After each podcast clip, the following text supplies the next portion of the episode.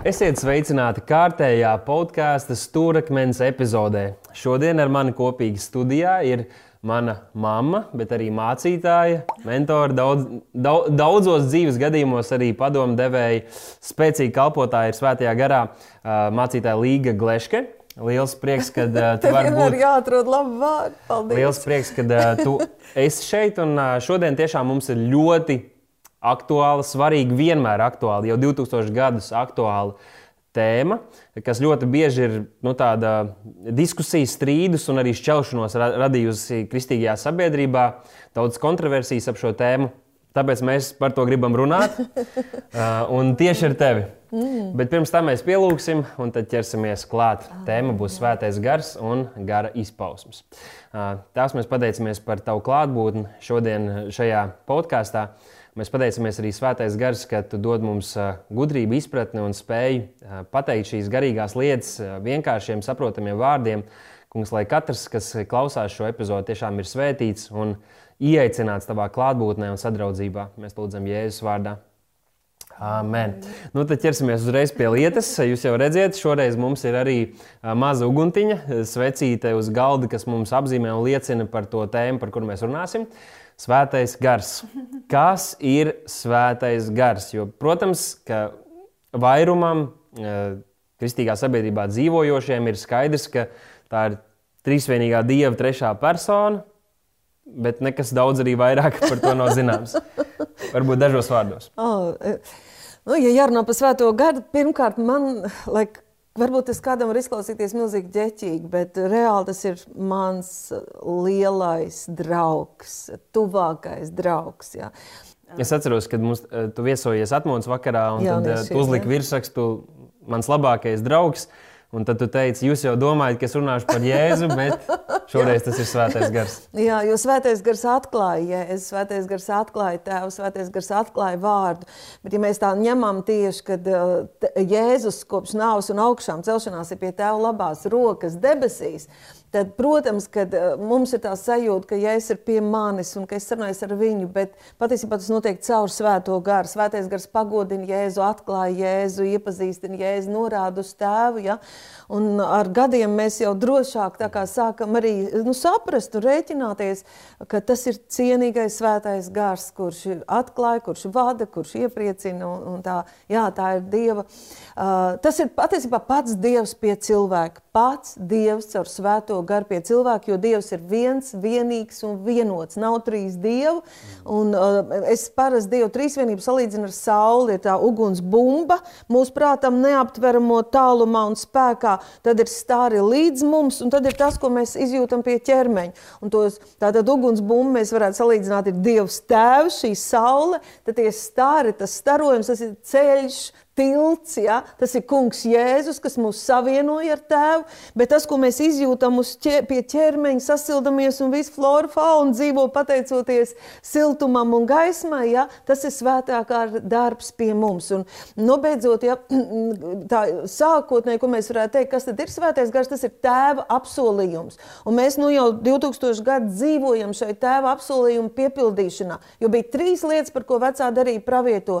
Nāks Mesija, tas tik tikko cilvēks sagrēkoja, ja, bija pravietojums, Dievs izteica, ja, ka nāks viens sievas dzimums, kas sadragās vēlnu galvu. Tad bija pravietojums par uh, Dāvida uh, troni, kas, uh, kas būs uz zemes. Tā ir draudze, Kristus miesa, tātad kungs viņa ķermenis, kas ir draudzene, viņa miesa uz zemes, un trešais, ka es izliešu svēto garu par visu šo miesu, par visu draugu. Ja?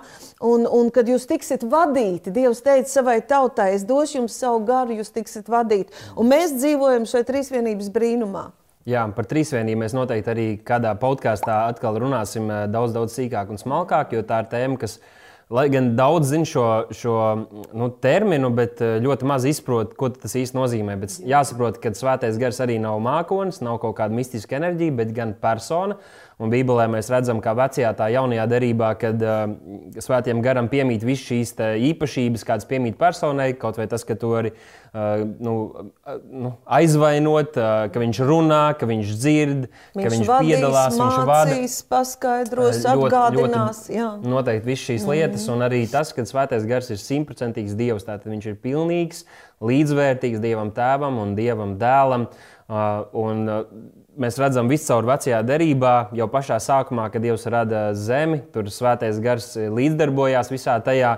Pēc tam mēs redzam dažus izredzētus valdniekus, ķēniņus, par kuriem nāk svaidījums. Jā. Viens Praviešu, no svaidītākajiem ir bijis Simpsons, kurš bija pārņēmis necilvēcīgs spēks izpildīt uzdevumu, ko Dievs viņam bija devis. Un tas, tā lielā atklāsme, ir, par kuru mēs arī šodien runāsim, ir, kad jaunajā derībā, pateicoties Kristus krusta nāvei un augšām celšanās, ka Viņš mūs ir izglābis un izmazgājis, izmēģinājis tīrus. Jā. Šis dārgais svētais Jā. gars, ko agrāk tikai daži izredzēti cilvēki varēja uz Jā. mirkli baudīt, un tad Jā. viņš tos atstāja. Tagad viņš ir pie mums un būs ar mums līdz pat pasaules galam, un par to mēs šodien gribam runāt. Bet, ja svētais gars ir tik labs, un ja viņš ir tik brīnišķīgs un uh, tik liels dāvāns, viņš atnes mūsu dzīvēm varētu jautāt, kādēļ tā ir tik kontroversāla tēma, kādēļ tā ir, ka pat dažādas konfesijas un pat draudzes uh, ir šķēlušās un vēl aizvien strīdās tieši par šo tēmu. Iemesli tur varētu būt daudz. Mēs arī vēlāk vien pieskarsimies par, par visādām pārmalībām, par, par cilvēkiem, kas aizraujas un, uh, Un, uh, tiešām ir sadarījuši muļķības, lai gan nedomāju, ka vairāk kā jebkurš cits kaut kādās citās pārprastās lietās vai pat uh, nostājoties pretī patiesībai. Bet man liekas, ka tas pats galvenais, pats galvenais varētu būt vēsturiski, ja mēs skatāmies. Tā ir cilvēka lepnība un cilvēka vēlme visu kontrolēt. Uh, vadītājiem, draugu vadītājiem, konfesiju vadītājiem, uh, cilvēkam sev, savu dzīvi pārvaldīt, kontrolēt. Bet, ko mēs skatāmies, ka svētais gars atnāk, viņš vadīs, mācīs. Tas ir tā kā mēs paliekam sekundāri un mēs tā kā riskējam. Un tur vajag pazemību, ja? pagaidīt, ieklausīties, sadzirdēt. Ne jau kaut kādas balsis, bet tas ir Dieva vārds. Ja? Tad patiesībā tu tiešām saki, Dievs, es gaidu uz tevi, Dievs, es gribu saprast, kā tu gribi. Teiksim, es šo svētdienu sludinu sludināju. Ja? Un es, es teicu, es visu nedēļu šoreiz zināju, ka man būs jāsludina. Un te pašā laikā es gribu par to, un es domāju to, un vajadzētu to, un gatavoju to. Un es jūtu, ka tas nav, ka tas nav, un pienāk gandrīz piekdiena, un es zinu, ka Dievs dos vārdu. Un tu visu laiku esi atkarīgs, tu gaidi Dievs ko. Un Mēs taču to saņemam caur svēto garu. Es taču varēju vienkārši drillēt cauri no pirmdienas, sagatavot uh, superīgu vārdu. Ja? Bet um, tas prasa kā, nu, pazemīgu sirdi. Un es domāju, ka tas ir vēsturiski tas visvairāk, kāpēc cilvēki ir izstūmuši ārā svēto garu no draudzēm, tāpēc, lai kontrolētu, lai būtu miers, lai būtu kārtība, lai mēs paši izlemtu, ko un kā. Un tad tur darbojas tas, ko Dievs teica, kad tāpēc, ka cilvēki nepieņēma dievišķo gudrību, tad viņš uh, sludina ar ģeķīgu sludināšanu. Ar ģeķi, un tad tā svētgara lietas, viņas paliek tādas, nu, ko var saukt gandrīz tādas uh, ģeķīgas, muļķīgas, uh, vārgas, dīvainas, gan drīz vai jau kas robežojas. Tāpēc, ka cilvēks izstūm ārā Dievu un nepieņēma dievišķo gudrību. Un tagad mums vajag pazemoties zem svētā gara, lai viņš mums atklāja. Jo savādāk mēs Dieva vārdā varam maldīties ar savu galvu, tā kā starp trim priedēm. Jā, es domāju, ka arī viena no problēmām ir tā, ka uh, vienmēr raugoties uz to, kādi Nu, katrs raugās uz sevi un domā, ka tieši tas, kā mēs darām, ir vienīgais pareizais veids, kā kaut kas var darboties. Un, ja tu uzskati, ka svētais gars arī darbojas tavā dzīvē, bet kādiem citiem tas ir mazliet vairāk, mazliet spilgtāk, vai savādāk, varbūt jā. nu, citādāk, varbūt cilvēkiem tas interesē. Tas ir mirklis, kad tā vietā, lai tu būtu atvērts un tu riskēji, ka tu kaut ko zaudē, ka tev ir jāprogresē, ka tev ir jāiepazīst, ka tev ir jāmācās, tu drīzāk noraksti un atsakies no tā. Un man liekas, ka viens labs piemērs ir arī pats Kalvins. No šiem esat dzirdējuši par daudz eh, dažādu arī šo mācību un virzienu, eh, kas vēl aizvien pastāv, kur, kur autors bija viņš. Viņš pats personīgi teica tieši par svēto garu runājot, un arī par svētā gara izpausmēm, ka viņš tādas nav redzējis. Tas nozīmē, ka tās ir beigušās, kad, eh, kad tādas vairs nepastāv. Un viņš to, to secināja nevis raugoties rakstos, Vārdā, bet gan uz savu pieredzi. Un tā ir viena no tādām problēmām kristīgajā vidē, un jebkurā draudzē, jebkurā konfesijā, ja tu, ja tu vērtē to, kas ir patiesa un to, kas strādā, un, un ko Dieva vārds saka, pēc tā, notiek, tikai mēs nekur netiktu uz priekšu. Tieši tā, jā. jo Dievs vienmēr grib vest tālāk. Jo atceries, piedo, atceries mm. Nēmī, vai ne? Interesanti, viņš ieraudzīja vārdā, ka Dievs ir tā teicis, ka ir jātop atjaunotam, ka tie mūri sagraut, un viņš darīja riskē ar dzīvību, lai to atgūtu. Ja? Mm. Bet mēs re, neredzam vairs vārdā, jo mums prāts ir aptumšots, un mēs mēram to termometriju, kas notiek apkārt. Un tā mēs varam tikai samazināties, nevis pieaugt. Tur vajag dievbijību un pazemību. Jā. jā, bet līdzīgi kā par dziedināšanām, arī par svētā gara darbību, es teiktu, ka lielāka, lielāks izaicinājums ir tiem, kas noliedz to visu, jo viņiem ir jāpierāda, ka nekad kopš apstākļu darba laikiem nekad vairs nekas tāds nav noticis. Mums ir jāatrod tikai viens piemērs, mums tādi ir daudzi, kad Dievs vēl aizvien darbojās, un svētais gars, ka svētais gars jā. ir reāls un klātesošs mūsu dzīvēm. Bet uh, tas noved līdz jautājumam par visiem kristiešiem. Mēs zinām, ka teiksim, mūsu arī sabiedrībā ir nu, teiksim, tā, harizmātiski nu, tā saucamie kristieši, kas tieši ļoti aktīvi iet ar svētā gara darbību un kalpošanu. Un tad ir nu, teiksim, tradicionālākas uh, kristīgo kopienas, tā saucamās tradicionālākas, kuras es uzskatu, kas tieši ir netradicionālākas saskaņā ar, ar Bībeles tekstu. Bet tas ir mans personīgais viedoklis. Un, un tad kādi, kādi kādiem var rasties sajūta, ka nu, teiksim, tā, šis te harizmātiskākais vai tāds dzīvelīgākais atzars ir piesavinājies svēto garu, ka citiem tas nav, tikai mums viņš ir. Un, lai jums arī būtu svētais gars, jums jākļūst tādiem, kādi mēs esam. Tad jautājums ir tāds. Vai visiem kristiešiem ir svētais gars? Tātad visi, kas ir nodevuši savu dzīvi Kristum, patiesi tic viņam, ir glābti, ir pestīti, Dievs to darbu izdarīs viņas sirdīs, vai viņiem ir svētais gars? Uh, kā tu domā? tieši tā, man ko tiešām negribētos, nu, tiešām, ka veidotos kaut kāds sajūta, ka mēs un jūs, un tā vispār Kristus miesā nav iespējams. Un šeit jau ir tas, man liekas, tas pamat jautājums, ja, ka tie, kas ir dzimuši no Dieva, ka tie, kas tic uz viņu, jā, jūs dabūjat varu kļūt par Dieva bērniem. Tad, laikam, jautājums ir, vai mēs esam piedzimuši no Dieva. Jo, lai tas notiktu, lai mēs pateiktu, Jēzu, es, man tevi vajag, es nožēloju savus grēkus, glāb mani. To nevar bez svētgara darbības. Tā, tā ir svētgara klātbūtne, un tā jau ir mana atsaukšanās viņam, un tā jau ir sadarbība.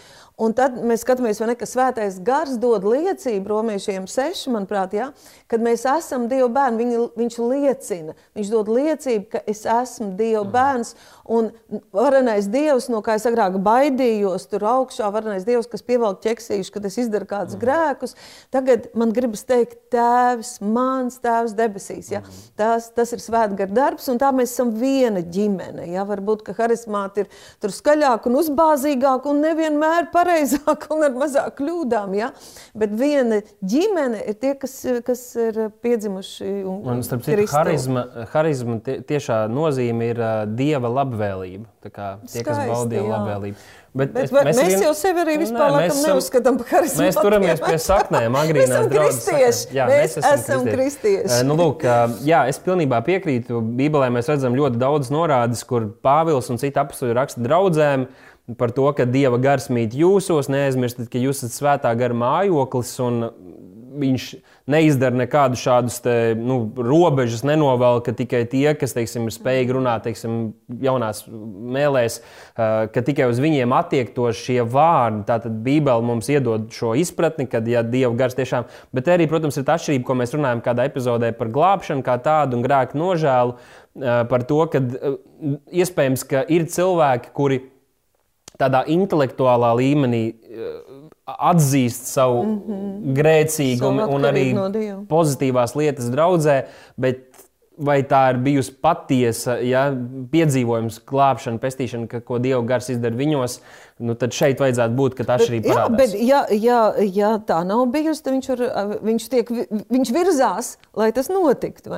Jo tās ilgas jau mostās un svētais gars strādā pie mums, lai mēs to piedzīvotu. Jā, un tā tad mazliet mēs varētu arī parunāt par to, ko tad svētais gars dara mūsu dzīvēs, jo mēs saprotam, ka ir Dievs Tēvs, kurš Bībelē mums atklāja, ka Viņš ir debesīs, tad ir Kungs Jēzus, kurš arī tagad ir debesīs pie Tēva labās rokas un caur Svēto garu ar katru vienu no mums, bet Svētais gars ir tas, kurš visu laiku ir mums līdzās.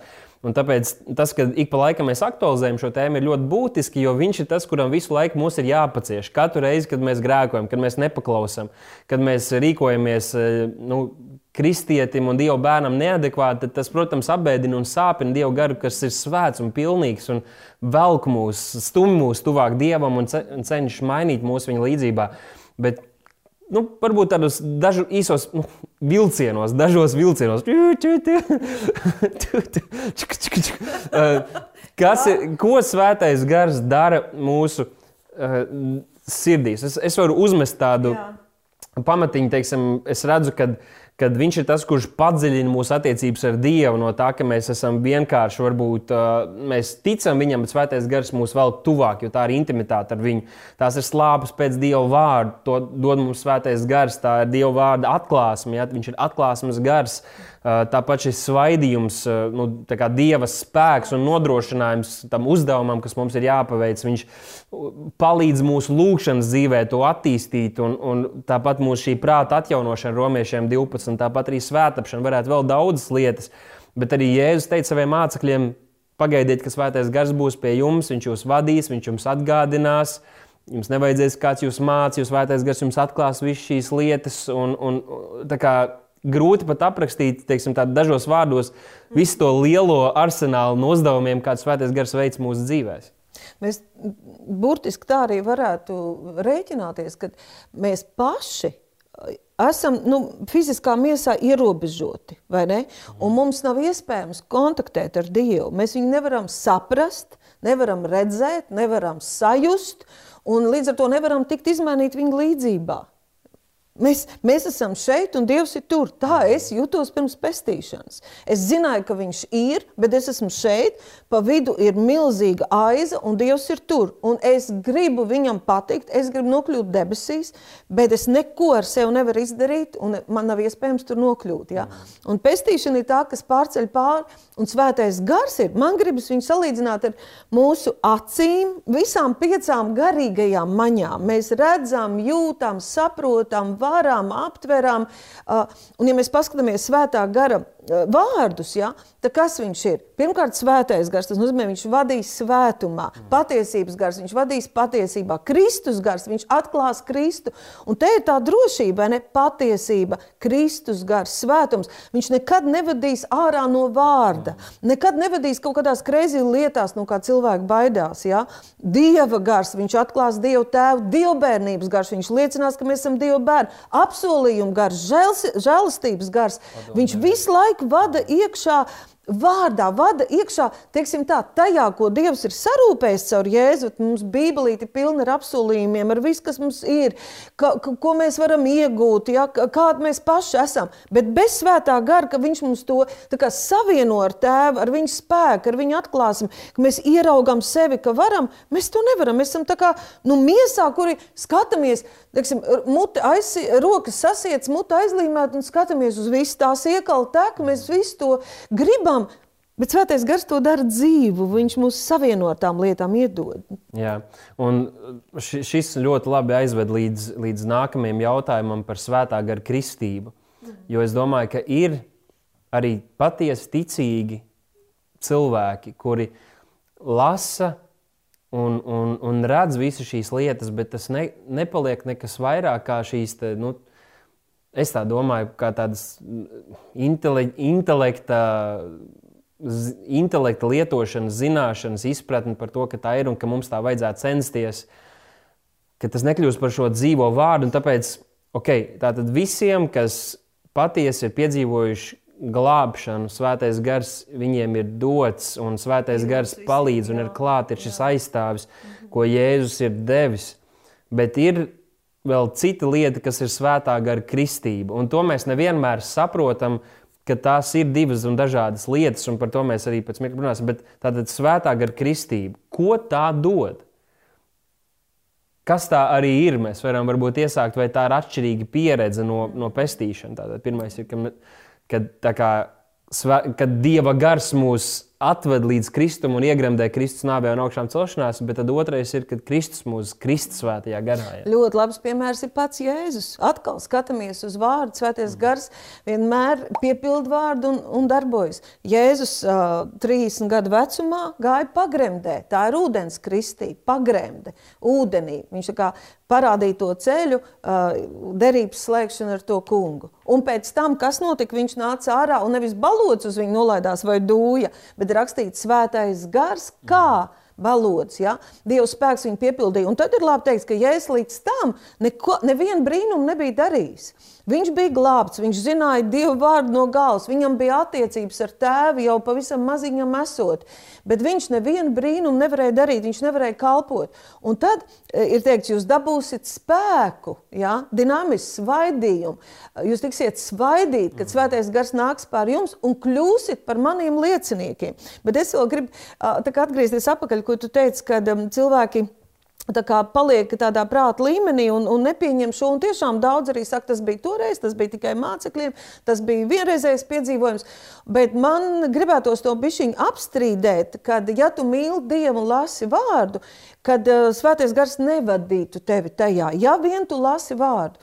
Jo es svētgaru kristību piedzīvoju 13 gadu vecumā, ļoti, ļoti spilgti, tātad pēc ūdens pagrimts, pa priekš ūdens pagrimt svētgaru kristību.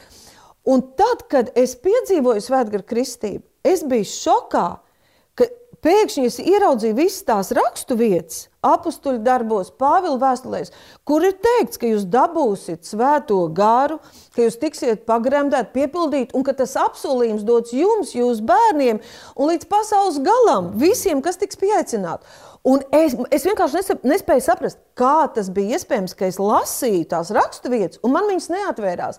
Es viņas neredzēju. Man ne, neatnāca jautājums, kas tas ir? Kāpēc? Tāpēc, ka tajā laikā mums draudzē neviens nelūdza mēlēs. Un tāpēc es tā īpaši, Dievs apžēlojās par mani, un es piedzīvoju īpaši. Un, protams, draudzēs, kur varbūt biedē vai saka, tas nav, ir vēl grūtāk. Un es tomēr ticu, ja, ka ja mēs lasām vārdu, kas Svētais gars saka, vest pie tā, ja, ka, hei, tev tas ir vajadzīgs, tev to vajag, tev vajag vairāk spēka. Tev vajag ne tikai, lai svētais gars būtu pie tevis un vadītu tevi, bet kad tu tiec pagremdēts svētajā garā, piepildīts ar svēto garu. Jo mums vajag spēku piecelties, spēku izturēt, spēku uzvarēt, spēku virzīties tālāk. Mums vajag spēku. Un tāpēc Dievs ir paredzējis, ka mēs nebūsim vieni, ka svētais gars būs pie mums un mūsos. Mhm. Jā, un runājot par to, vai tās ir atšķirīgas pieredzes, tad tiem, kas ir tiešām nu, ar atklātu sirdi lasījuši apakstu darbus, lasījuši mm, jauno derību, daudz, tad jā. tur noteikti mēs redzam šo piemēru, kad ir cilvēki, kur ir ticējuši, kur ir bijuši par mācekļiem, bet tad šī kristība svētajā garā mēs to redzam kā atsevišķu piedzīvojumu. Apstākļu darba 8. nodaļā, apstākļu darba 19. nodaļā mēs redzam, redzam ka tur pat atnāk mācekļi un viņš viņiem saka, vai jūs esat dabūjuši svēto garu, kad kļuvāt ticīgi. To Pāvils saka, Efesā esošajiem. Viņi saka, nē, mēs pat neesam dzirdējuši par tādu. Jā. Tad arī iepriekš mēs redzam Samarijā. Un citās vietās, kur cilvēki kļūst ticīgi, un tad apstuļi tiek sūtīti uz šīm vietām, lai tie saņemtu svēto garu. Un tad ļoti interesanti ir tas, ka gan apakstoļi, gan arī citi draugi vecie pēc tam apliecina citiem stāstot, ka šie pagāni vai šie ticīgie citās vietās ir dabūjuši to pašu svēto garu, kādu mēs, un kā tad mēs varētu viņus teiksim, nepieņemt šajā kristīgajā sadraudzībā. Un Par to mēs vēl pēc mirkļa runāsim, par kā viņi to varēja secināt. Kā viņi varēja secināt, ka tie ir dabūjuši tādu pašu svēto garu kā mēs. Tātad, redzot cilvēku grupas, daudz pagānu, kas ir tur apkārt, viņi redz ticīgos un saka, viņi ir saņēmuši to pašu svēto garu kā mēs. Uh, un tātad svētā gara kristība, ko tā mums dod? Ko mums dod tas, ka mēs Ne tikai, ka, ne tikai mums ir svētais gars, par ko mēs jau runājām, bet ka, mums, ka mēs saņemam šo svētā gara kristību. Nu, tad, kad ja es piedzīvoju svētu, svēto garu, viņš iegāja pēc ieraduma, ir rakstīts uh, templī, un atvēra. Un var tā saprast, kā domā, ka viņš tā netīšām trāpīja ja, uz šo pravietojumu, kas mums ir Lukas 4, 18. Uh, bet ir tulkojumi, kas saka, ka viņš konkrēti atšķīra šo rakstu vietu, konkrēti Uh, un Dievs parūpējās, lai tur tā raksturvieta būtu noteikti. Un, viņš, vai tas bija mm. tā laika, tas pēc kaut kāda lasīšanas plāna, vai viņš konkrēti atvēra šo raksturvietu un teica, tā kunga uh, Dieva gars ir uz mani, jo viņš man svaidīs. Viņš man ir svaidījis, un tad viņš runā uh, ne par tādu spēku pret spēku ar fizisko, bet viņš runā pasludināt, atraisīt, pasludināt brīvību, ja pasludināt uh, atsvabināšanu, ja palaist vaļā saistītos. Un viņš runā par kalpošanu priekš citiem, par debesu valstības izplatīšanu, par, to, par, stā, par tumsas atstumšanu, par tas, ka debesu valstība izplešās un ka vēlns ar saviem darbiem, ar savām lāsta lietām ir spiests atkāpties. Tā ir tā kā Dieva sirds caur cilvēku pie citiem.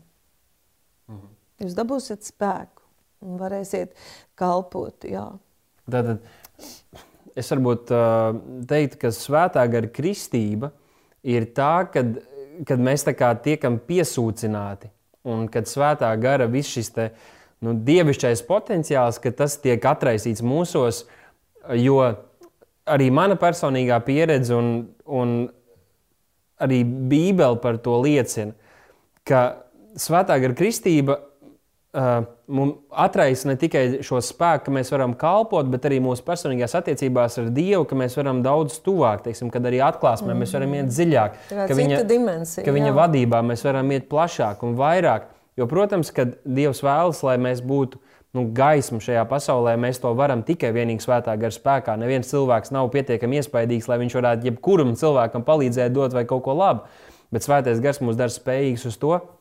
Un šī svētā gara kristība ir, ir tā, kas mūs, mūs, vēl, kas mūs visos virzienos, tātad, gan kalpošanā, gan attiecībā ar Dievu, gan, gan attiecībās uh, visapkārt. Tāpat gara dāvāns, gara augļi tie tiek atraisīti un stiprināti mūsos, un, kad, kad, kad, tie var, kad tie var uzplūst. Un viena no lielām, lielām bagātībām, ko dod svētā gara kristība, un tā ir lūkšana mēlēs. Un par to mēs pēc mirkļa arī runāsim, ka tā ir ļoti liela bagātība un svētība. Un tā kā ja jūs šo skatāties un esat skeptiski vēl par šo dāvanu, ko Dievs tiešām dod mums, tad priekš tā dāvana jāatver vaļā un jāapskata. Tieši tā, tā kā atvērsim savus sirdis un pa, padomāsim, paskatīsimies, vai gadījumā mēs nepalaižam garām kaut ko, kas ir patiesībā ļoti brīnišķīgs. Bet varbūt pirms tam skat, tālāk, es varbūt mm. apstājos pie tā, ko nozīmē svaidīts. Tas tieši ko tu saki, šīs padziļinātās attiecības vai tas dieva ekipējums, jo lai tu varētu dieva spēkā darboties, lai dievs caur tevi varētu darboties, viņš tevi ekipē.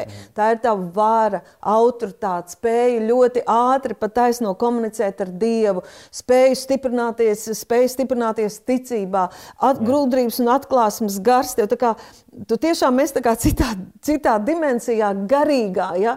Uh, tu esi Kristu, Kristus ir tevī. Šīs te, sajūtas, tas um, ātrums, cik ātri tu vari saņemt, izdarīt, saprast, apjaust. Ja? Uh, tā ir milzīga dieva dāvana, bet tas nav redzams. Un te ir tā problēma, kāpēc arī varbūt citi baidās no svētā gara. Saka, nu kā tad tur atšķirība? Tā, ka ir kristieši, kas paliek priecājoties par visām tām sajūtām, par tām iespējām, un tikai priekš sevis vēlas ņemt, vai ne? Tagad eh, es esmu bagātāks, es esmu veselāks, es tur skaistāks, es tur enerģiskāks, es tur labāk jūtos, ja? es tur vēl vairāk, vēl vairāk kaut ko priekš sevis, priekš sevis un priekš savas ģimenītes. Bet mums tas viss ir dots, lai mēs būtu par svētību citiem. Jā, un to arī apstākļu darba pirmajā nodaļā, 8. pantā mēs lasām, kur Jēzus saka, bet jūs dabūsiet spēku, kad svētais gars būs nācis pār jums un būsiet mani liecinieki. Un liecinieki tur ir lietots šis vārds uh, martīrs, kas ir asins liecinieki. Svētais gars mūs dara spējīgus būt par lieciniekiem, pat gataviem būt atdot savu dzīvību Kristus dēļ. Dzīvot kā jēzus. Viņa valstības dēļ, jā, un tā kā svētais gars ir milzīga dāvana un arī kristība svētajā garā ir būtiska. Un tāpēc Kā tad šo kristību var piedzīvot? Jo labi, es esmu devis Jēzum savu dzīvi, es saprotu, man jātic tam, ko Jēzus ir paveicis, man jānožēlo savu grēku, jāatstāj tos, jātic uz Kristu. Um, jāizpauž savu ticību, tās piedzīvoja glābšanu. Bet kā cilvēks var saņemt šo svētā gara kristību? Un šeit es varbūt gribētu lietot Lūkas evanģēlīju 11. nodaļu, kur Jēzus teica, ja jūs ļauni būdami ziniet, dot saviem bērniem labas dāvanas, cik daudz vairāk jūsu tēvs no debesīm dos svēto garu tiem, kas viņu lūdz. Un tad primāri ir tas, ka tev ir vienkārši jā, jāvēlas saņemt visu to, ko Dievs tev ir paredzējis. Tev ir jāvēlas, ja tu lasi Bībeli, tu lasi apstākļu darbus, tu lasi vēstules, un tu redzi arī Jēzus, kur viņš, tiek, kur viņš saņem šo svētā garu kristību un pēc tam dzīvo šajā spēkā. Tev ir jāgrib to, ko Dievs tev var dot. Tas sāks, tas, tas sāks ar to, bet tad mēs redzam apstākļu darbos, ka ir reizes, kad atnāk kādi kalpotāji, kad atnāk apakstoši, viņi uzliek rokas ticīgajiem un tie saņem svēto garu. Ir kādreiz, tā ir lūkšana. Vienkārši cilvēki kopīgi meklē Dievu un pēkšņi tu sajūti, ka svētais gars nāk pār tevi un to arī. Var arī izpaust šo, šo savu jauno dāvanu ar šo līdzījošo zīmi. Tad kādreiz ir redzēts, ka apstuļi vienkārši sludina Dievu vārdu, un cilvēks saņem svēto garu bet ir jābūt slāpēm pēc dieva. Un es zinu, ka ir daudz un dažādi piemēri. Tu jau mazliet dalījies par savu, ir dzirdēts, nu, teiksim, kā tas bija mūsu vecāku laikā, bet arī citi kalpotāji. Es dzirdēju kādu interesantu stāstu par kalpotāju, kurš bija uzaugusi tādā. Nu, teiksim, tādā vidē, kristīgā vidē, kas ir jauka, bet kur teiksim, šīs te svētā gara izpausmes tiek noliektas.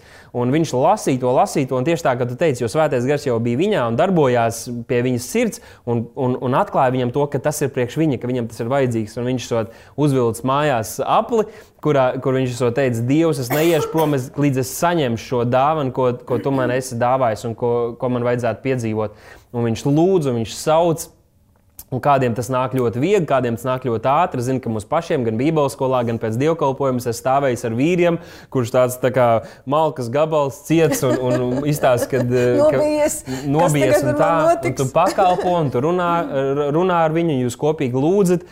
Un, un, un tad tu redzi, ka kaut kas sāk raisīties viņā vaļā, un tad pēc nedēļas viņa atnāk, un, un gan viņš un sieva saka, jā, man vakarā bija saņēma, un, un tas atraisījās šis, šis vaļā kā saņemt svētā gara kristību? Meklē to, sauc pēc tās, meklē Dievu. Un, ja tu esi draudzē, ja tev ir apkārt cilvēki, kuri paši to ir saņēmuši, tad saki, kalpojiet man, lūdziet kopā ar mani. Un vienkārši esi brīvs, un mēs varbūt runāsim vēl tieši, kā tas viss darbojās, bet uh, tas būtu tas, ko es ieteiktu. Mm, ļoti pareizi. Tad, kad Pēters dabūja attaisnoties, ka viņi bija piedzīvojuši svētā gara kristību, visi mācekļi tur bija izgājuši ielās, ja?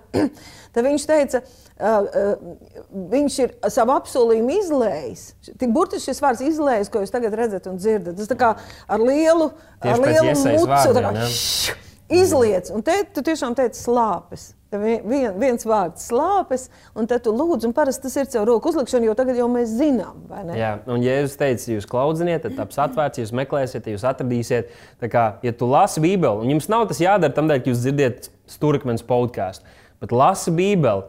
Aizmirst par to, ja tev kāds ir teicis, ka tas vairs neeksistē, ka tas vairs nav vajadzīgs, ka tas ir kaut kas briesmīgs.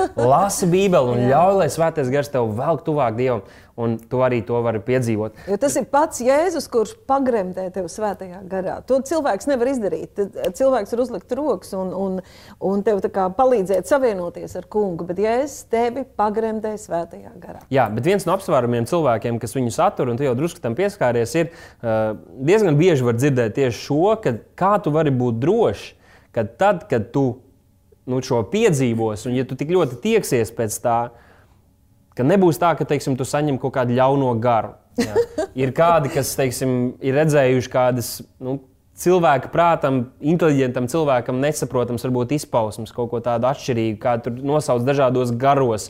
Tur hinduismu, kaut, hinduismā ir kaut kādas izpausmes tā tālāk, kas, kas, kas izskatās tiešām neizprotami. Un cilvēkiem ir šī bremzīte, kā, bet kā, kā, kā es varu būt drošs, ka es nesaņemšu kaut ko tādu ļaunu, negatīvu? Nu, Es, at, es atgriežos pie šīs pašas raksturvietas, Lūkas evanģēlīja 11. nodaļā, tur 10. pantā rakstīts, jo ir katrs, kas lūdz dabū, kas meklē atrod, kas klauvē tam tips atvērts, kur būtu kāds, un viņš saka tieši šīs lietas. Viņš saka, ja jūs ļauni, ļauni būdam, zin, ziniet saviem bērniem dot labas dāvanas, cik daudz vairāk debes tēvs dos svēto garu tiem, kas viņu lūdz, man šķiet, ka tam jau būtu jābūt izslēgtam, ja tavs sirds ilgojas pēc Dieva, tu esi piedzīvojis glābšanu, tu esi sastapies ar Dieva mīlestību, un tu skaties Bībelē, un tu meklē viņu, un tu tiecies pēc viņa. Tas pat nav iespējams. Nevar iedomāties, kā tā doma var ienākt prātā, godīgi sakot. Nu, cilvēki ir sabiedēti. cilvēki ir sabiedēti, viņi ir dzirdējuši, viņi ir redzējuši, ir kādi, kas tad, ja, ja ļoti iebiedēt. ir izglītoti tur par kaut kādām demoniskām lietām. Bet... Saskatījušies YouTube, jā, kādas rullīšas tur un, un tam līdzīgi. Bet, zini, šai sakarā ja, būtu ļoti svarīgi saprast, ka Dieva gars nekad nepārņem kontroli par tevi tā, ka tu oh, kas ar mani notika, ko es tur izdarīju. Vai ir cilvēki, kas baidās ārpus, kad iekāpšu sabiedriskajā transportā, un tagad pēkšņi man būs jālūdz mēlēs, vai tur kaut kur es kritīšu. Pilnīgi tas ir absurds, tie ir meli, nekas tāds nav. Tu vari just stipru pamudinājumu. Vēlmi, jā, lūgt, viņš mudina tiešām, jā. Bet uh, Dievs ļoti ciena mūsu brīvo gribu. Un, un mēs varam vienmēr atsaukties Dieva aicinājumam, lūgt, vai kalpot, vai sludināt, bet Viņš nekad ar varu mūs kaut kur negāzīs, nekratīs. Tiešām es varu, nu jau es dzīvoju 50, tūlīt būs 5 gadi, ja, un ar Dievu esmu vairāk kā 40 gadus. Nekad Dievs manā dzīvē neko tādu nav darījis, pat tad, kad es ļoti būtu gribējusi. Dievs dod mums tik labi izskatīties 50 gados, kā izstāsta šī sieviete. nu, jā, bet uh, vienkārši Bībelē mēs to neredzam, jo viņš ciena mūsu brīvību, mūsu izvēles brīvību. Un tad, kad mēs ļoti gribam, augstām pēc svētgara prieka, pēc kādām izpausmēm, un tad vienalga vienmēr ir, vismaz es pēc sevis varu teikt, ir tas, tā, ka miesa un dvēseli grib kontrolēt, grib laisties lapās, bet es jau zinu, ka tas var ļoti ātri beigties, tas, tas piedzīvojums ar Dievu. Un gars, tā kā ķēniņš Dāvids vēl vecā derībā teica, man es slāpstu, es augstu, es gribu vēl. Un tu tur esi Dieva klātbūtne, un jau notiek cīņa. Jo mēs sakām, jādara tas, jāpazvan tam, un gars grib vēl piedzīvot Dievu un ļauties Dievu garam. Un vienalga es visu laiku uh, varu kontrolēt to. Jā, un uh, viena no, vien no tādām uh, lietām, arī, ko mēs varam novērot, ir, kas notiek pasaulē, ir, ka daudz no tām lietām, kuras kristieši, Dieva draugi, ir baudījusi nu, simtiem, tūkstošiem gadu jau Tāpat runājot par patiesībām, par kādām vērtībām, jā, jā. kaut vai tāpat psiholoģija un daudz jā, citas lietas, jā. kur ir o, cik, na, da, dažādi šīs jā, gudrības jā, un mhm. izpratnes. Un, un... Tas tiek paņemts par metodēm, par praksēm, jā, kur pielieto pelnu naudu. Un kāds, un kāds pēc tam lasa Bībeli un varētu jā, domāt, ka jā, Bībele jā, to ir paņēmusi no šīm mācībām, kas ir radušies simtiem tūkstošiem gadu pēc tā, ko Jēzus ir mācījis. Bet pasaule arī atdarina, ja tā var teikt, atdarina šīs lietas, jo mēs zinām, ka arī Vēlns ir uh, melis un viņš ir uh, pakaļdarinājuma darītājs. Viņš neko nav oriģināli izdarījis, neko nav izveidojis. Dievs ir tas, kurš rada un Vēlns dara pakaļdarinājumus. Tāpat arī tāpēc pasaule ir pilna ar visādām reliģijām kas līdzinās savā ziņā, katra nedaudz līdzinās un kaut ko aizņemās no kristīgās mācības.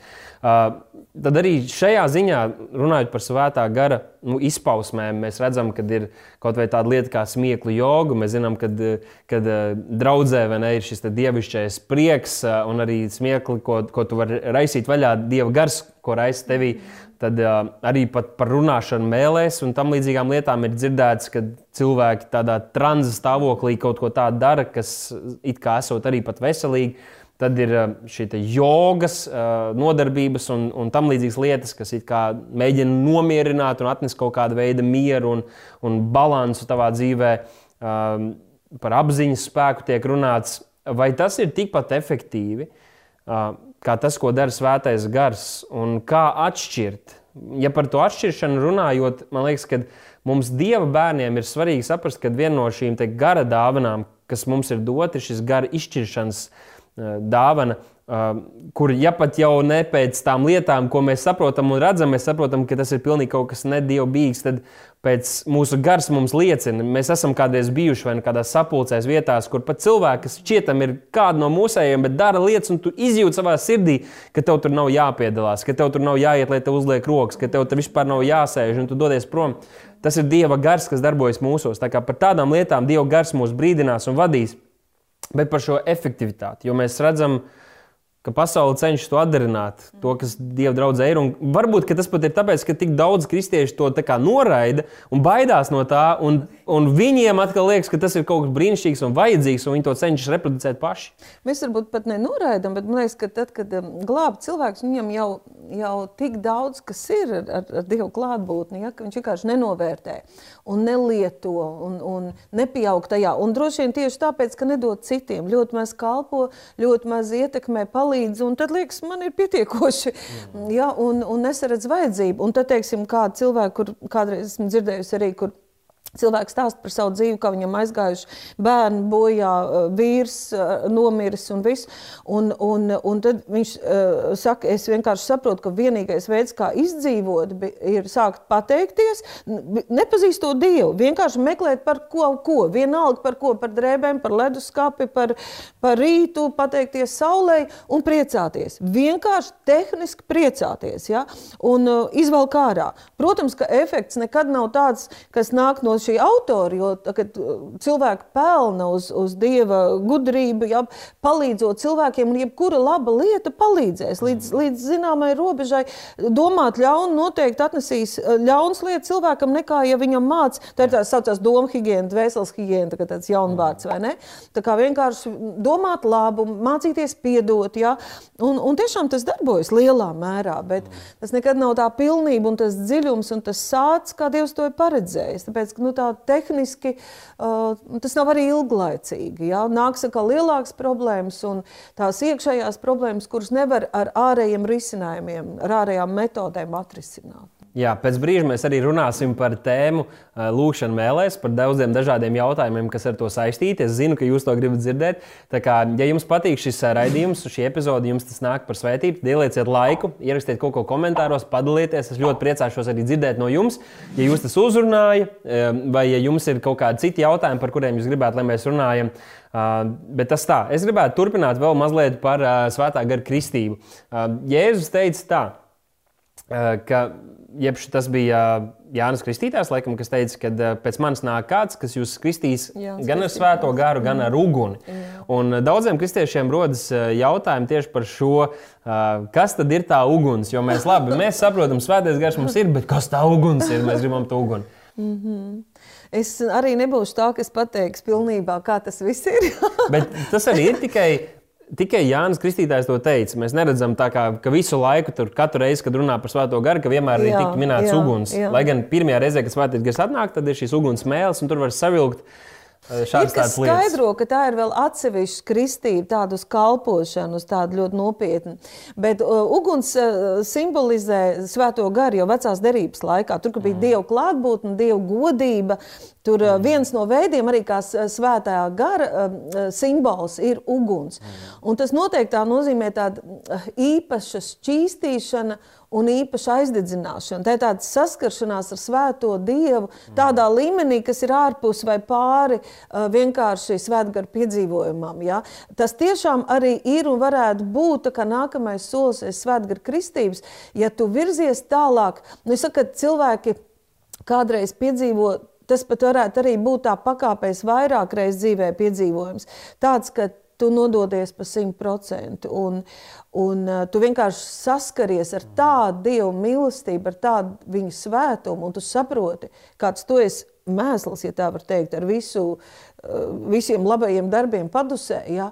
Un, un tu vienkārši izkūst viņu priekšā, tu tiec izmainīts. Ja? Tā ir tāda satikšanās ar Svēto Dievu, kur atkal, ja mēs augstam, un Svētais Gars grib tajā vadīt, ja?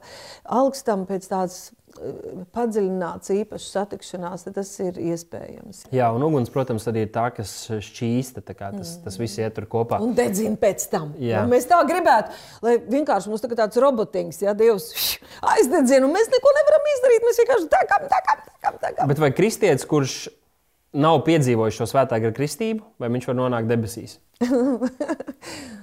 Kā tu domā? Dieva bērni nonāk debesīs. Nevis tie, kas piedzīvojuši svētgara kristību, bet Dieva bērni, kuriem ir paredzēta arī svētgara kristība. Jā, tāpat svētā gara kristība arī. Ūdens kristība, tās nav lietas, kas mūs glābj. Glābšana ir tikai, kad mēs uzticamies Kristum un viņa paveiktiem darbam pie krusta. Bet uh, reiz kāds mācītājs teica par tādu kā, um, tādu kā frāzi, ka Jēzus upuris uh, mūs padara par Dieva bērniem. Bet svētā, svētais gars, ja svētā gara kristība padara mūs spējīgus dzīvot tā, tā nāk ar šo spēku, Tieši ko mēs lasām apstākļu darbos. Dzīvot, tā kā, vai var nonākt debesīs, pavisam noteikti, bet svētā gara kristība ir kaut kas, ko Dievs ir paredzējis priekš katra Tieši viena ticīgā. Un es gribu teikt, ka es nespēju iedomāties, kā var nodzīvot tādu skaistu, bagātīgu, sātīgu kristieša dzīvi, auglīgu, bez svētā gara. Kā vispār var tikt galā ar dzīvi, mm. kristietis, kā var piepildīt to Dievu vārdu, izdzīvot viņu bez svētā gara kristības. Mm. Dievs ir paredzējis, lai mēs nebūtu vieni, lai mēs nebūtu bez viņa spēka. Jā. Uh, tagad ķersimies pie runāšanas mēlēs, lūkšanas mēlēs, jaunās valodās un vēl dažādos veidos var to aprakstīt. Uh, Vai runāšanai mēlēs vajadzētu būt zīmei, kura pavada visus ticīgos? Tātad es mazliet gribu iedot kontekstu. Ir, ir konfesijas un draudzes, kuras tic tātad šai spējai runāt mēlēs, bet uzskata, ka tā, tas attiecas tikai uz dažiem izredzētiem, kam tās ir pieejamas. Ir kādi, kas vispār noliedz, ir kādi, kas, kas saka, ka tas visiem ir pieejams.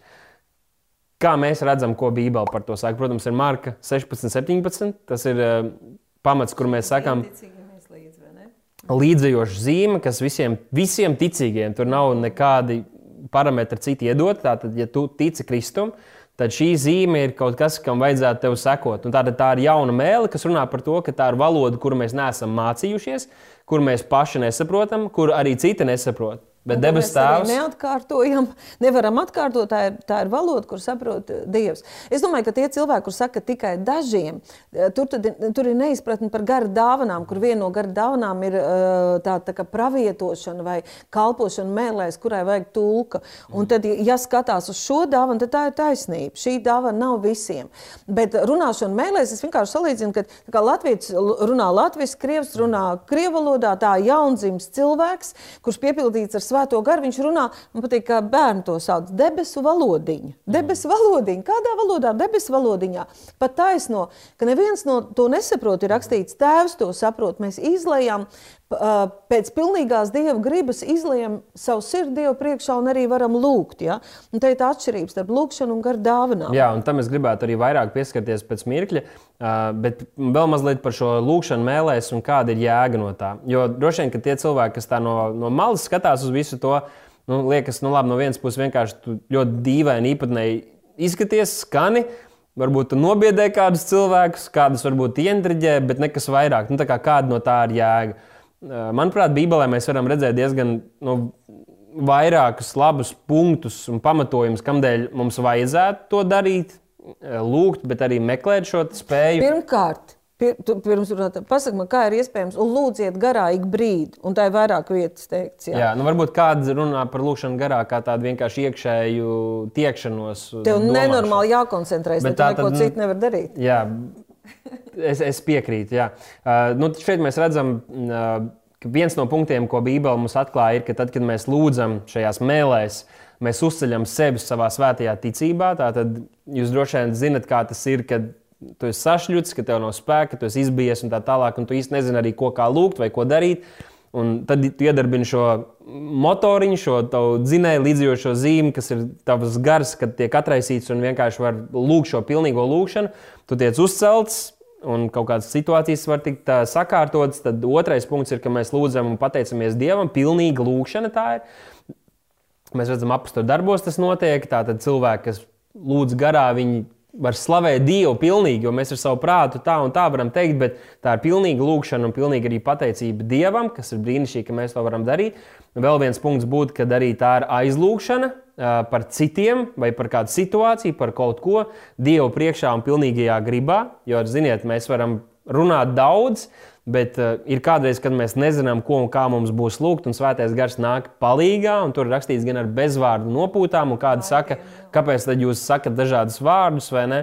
Bet, nu, uh, Es domāju, ka bieži arī tā lūkšana, kad iet tādā intensīvākā formā, tad ļoti līdzinātos tiem vārdiem, kādas uh, šeit, Romiešu sastajā nodaļā, arī Pāvils Jā, ir. Ir lietojis. valoda un ir vaidi, vai ne? Lūdzat, ka mēs lūdzam valodās, tad tā arī ir šī valoda arī raisās, jā. Jā. Tad arī tā ir garīga cīņa, kas notiek. Un, protams, tad arī garīgiem ieročiem mēs varam cīnīties. Un, un vēl kāds, ko es esmu personīgi ņēmis, ir tas, kad, ka mēs runājam noslēpumus, garīgas patiesības un noslēpumus dievam tātad pirmkārt jau, ka mēs varam iestāties par lietām, notikumiem, kas vēl sekos, sagatavoties kaut kam, bet tāpat Pāvils saka, ka es gribu lūgt Dievu gan ar savu prātu, gan arī ar savu garu, un tad viņš saka, tad es lūgšu, lai es varu tulkot, lai man ir šī interpretācija tam, par ko es runāju. Un man personīgi tas ir bijis ļoti bieži tā par kādiem, teiksim, nākotnes notikumiem, par to, kas stāv priekšā, vai arī par dievu vārdu atklāsmi, kad es esmu lasījis un domājis par to, bet tad lūdzot garā un arī tiecoties savā prātā, izprast to, ko mans gars pasludina, es sadzirdu, un tas ir veids, kā tas dievu gars var man atvērt vairāk šo vārdu un vest man dziļāk arī izpratnē, dievu vārdu izpratnē. Nu, es varētu salīdzināt lūkšanu, lūkšanu mēlēs un lūkšanu ar prātu kā ar divām rokām.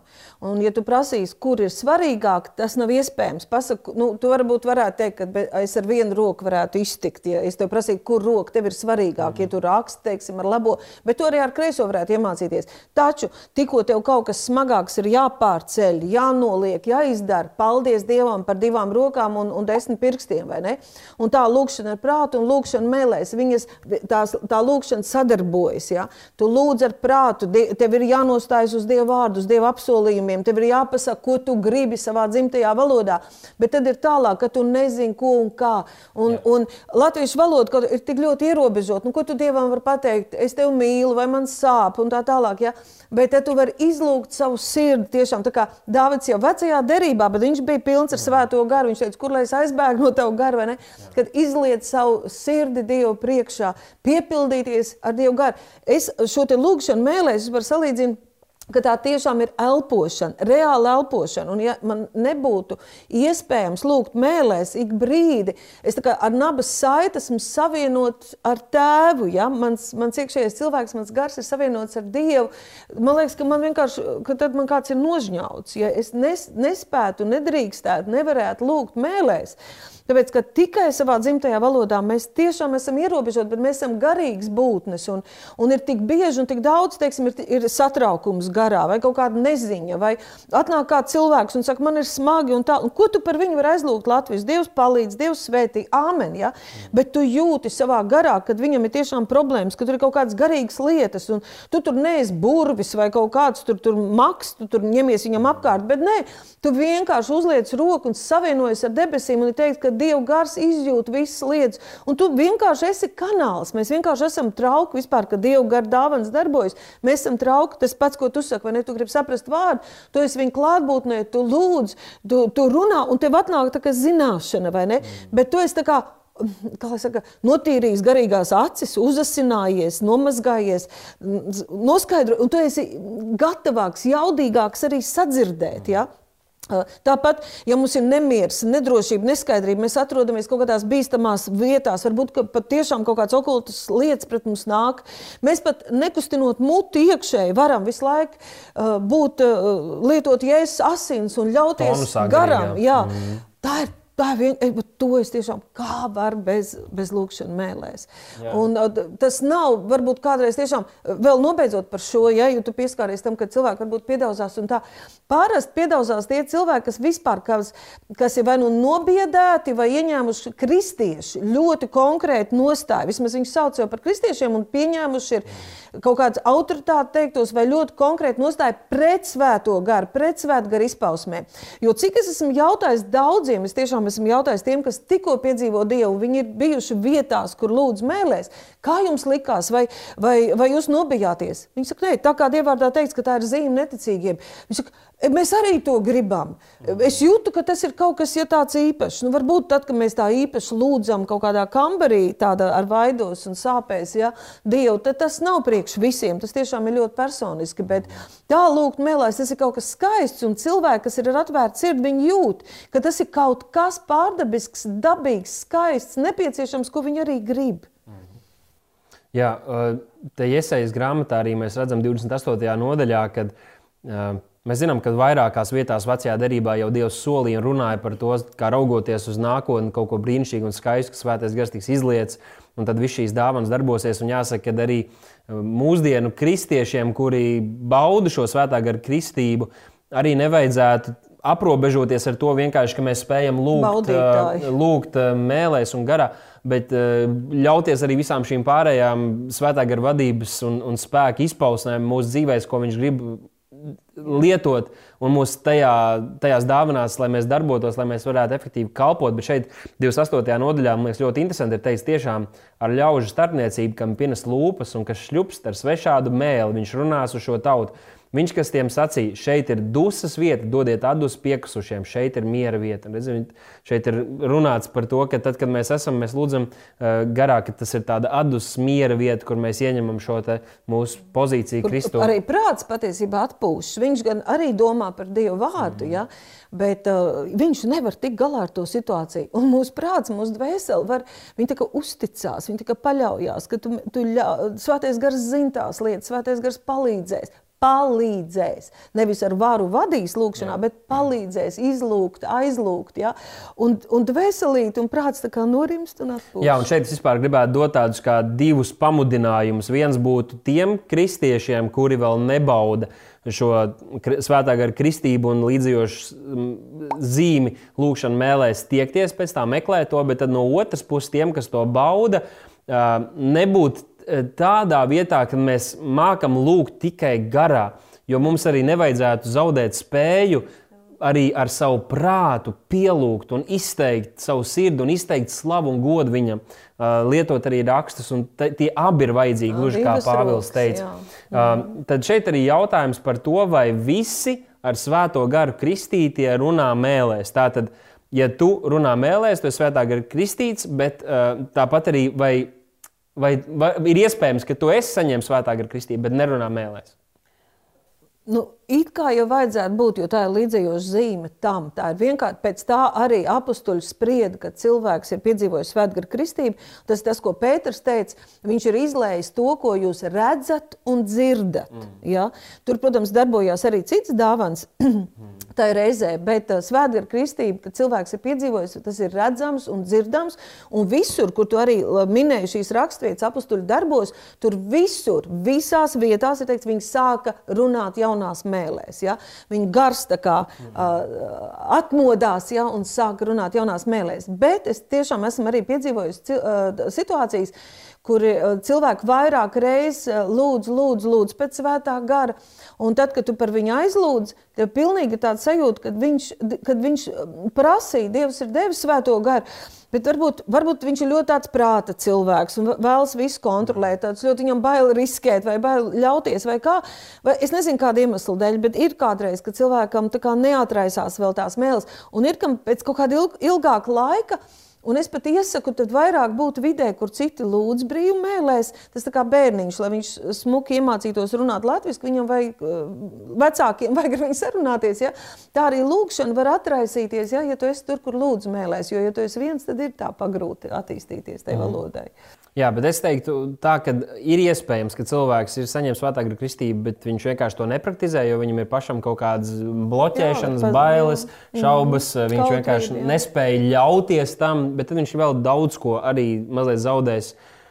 Un, un, un nespējas iegūt no visa tā, ko Dievs ir bet paredzējis. Ir arī kas pat ļoti grib, bet Jā. viņš tā kā nevar iesākt. Bet tas noteikti ir iespējams. Un, uh, ja kāds prasītu, kā tad, uh, kā tad notiek tas, vai kā tad var to saņemt, es vienkārši teiktu, uh, censties izbrīvot savu, atbrīvot, uh, šķīstīt savu domāšanu no visām negatīvām lietām tā kā Pāvils saka, arī mans prāts paliek neauglīgs. Es nevaru, tad, kad arī es pat tagad, es esmu desmit gadus jau ar Dievu no, no sirds, un pat kādreiz pat tagad, kad es lūdzu, ja es nedomāju, ko mans prāts dara, un arī nelūdzu viņu, tad man galva arī kādos mikļos var tā kā.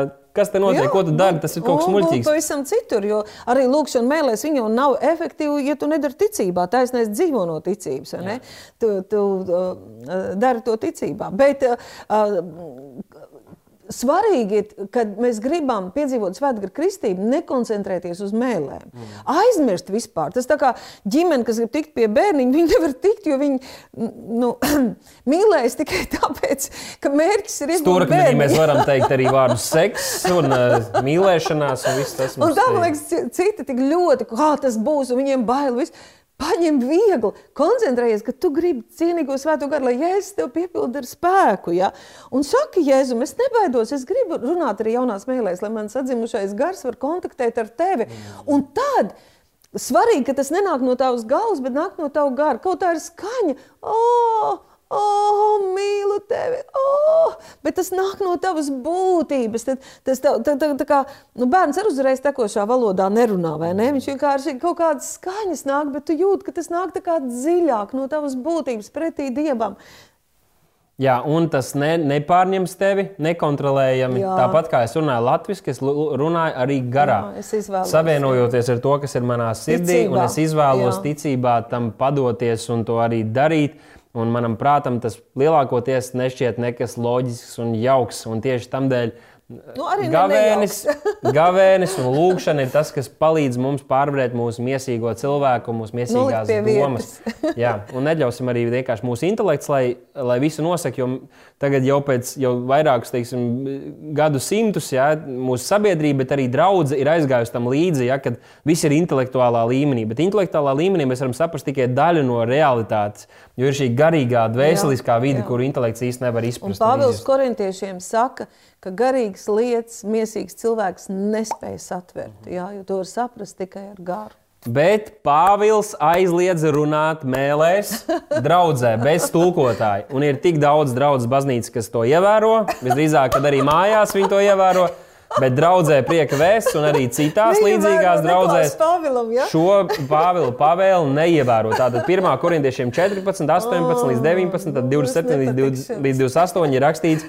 Um, es pateicos savam dievam, es vairāk nekā jūs visi runājat mēlēs. Tātad, ja jūs Tātad, ja jūs gribat iebilst un teikt, ka vajadzētu klausīt šiem te 19. pantam, tad pildiet arī 18. pantu, kur viņš saka, es vairāk kā jūs visi runājat mēlēs. Bet tad viņš saka, tātad, es labāk gribu 5 saprātīgus vārdus runāt, citus pamācīt nekā 10 tūkstošu vārdu mēlēs draudzē. Un viņš saka, ja nu kāds runā mēlēs draudzē, tad lai uzstājas divi vai trīs maksimums, bet tad ir jābūt kādam, kas tulko. Un ja nav kāds, kas tulko, tad labāk, lai nerunā mēlēs. Kāpēc tas netok, netiek īstenots? Kāpēc jūs vienkārši lū- lūdzat mēlēs? Nu, jā. nu, lūk, un korintiešiem, 1. korintiešiem 12, 13, 14 nodaļa, 12. sāks un kas attiecas uz garīgām dāvanām. Un tas šīs trīs nodaļas, pa vidu ir mīlestības nodaļa. Runā par gara dāvanām. Un šeit tas ir no vienas puses tik vienkārši un saprotami, tad, ja mēs gribam saprast, jo paskatāmies, gara dāvanās taču ir minēta ticības dāvana, dziedināšanas dāvana, vai ne? Bet Katrs ticīgais mēs vispār nevarētu dzīvot un neko saņemt no Dieva, ja mēs ikdienā, ik brīdi neticētu, neusticētos. Ne?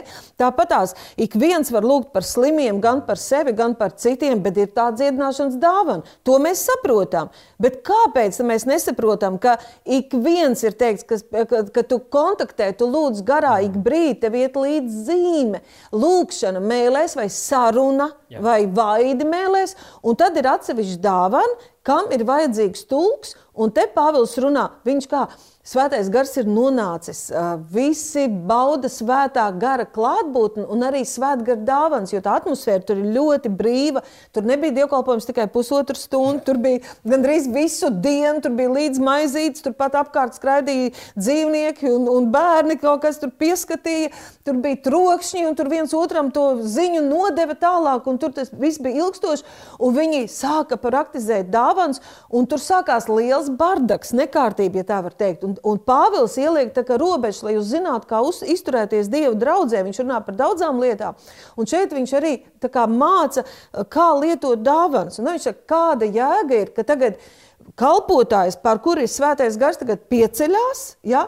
un nevis vienkārši, kad visa draudze lūdz Dievu, kad draudze lūdz Dievu, kas latviešu valodā, savā dzimtā valodā, kas mēlēs. Bet viņš runā mēlēs. Bet viņš runā, viņš nostājas un viņš kalpo, un tad pasakā amen un apsēžās.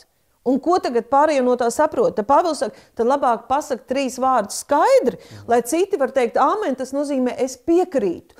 Bet, ja ir tā atmosfēra, kad gar, darbojas gara dāvāns, tad lūkšana, mēl, runāšana mēlēs, mēļu dāvana ir, ir kā puse, 50% no pravietošanas. Tu vari pravietot savā dzimtajā valodā, un viss to sapratīs. Bet, ja tu piecelies viens un runā mēlēs, tad uh, vai nu tu pats tulko, un tas nozīmē, ka tu pasaki saprotamā valodā to ideju, to domu. Tas nebūs vārds pret vārdu. Jā, būs, jā. bet tu tā kā patiesībā tas ir tāds pravietošanas gars, bet es nezinu, vai vispār tas nav pa dziļu, ko mēs te aizskaram. Ja? Bet tātad atšķirsim uh, kalpošanu vai uh, runāšanu mēlēs kā dāvanu, ja? kur tad vajag mēļu tulkošanu, un tas, ka mēs vienkārši lūdzam Dievu mēlēs, mēs runājam ar Dievu garā.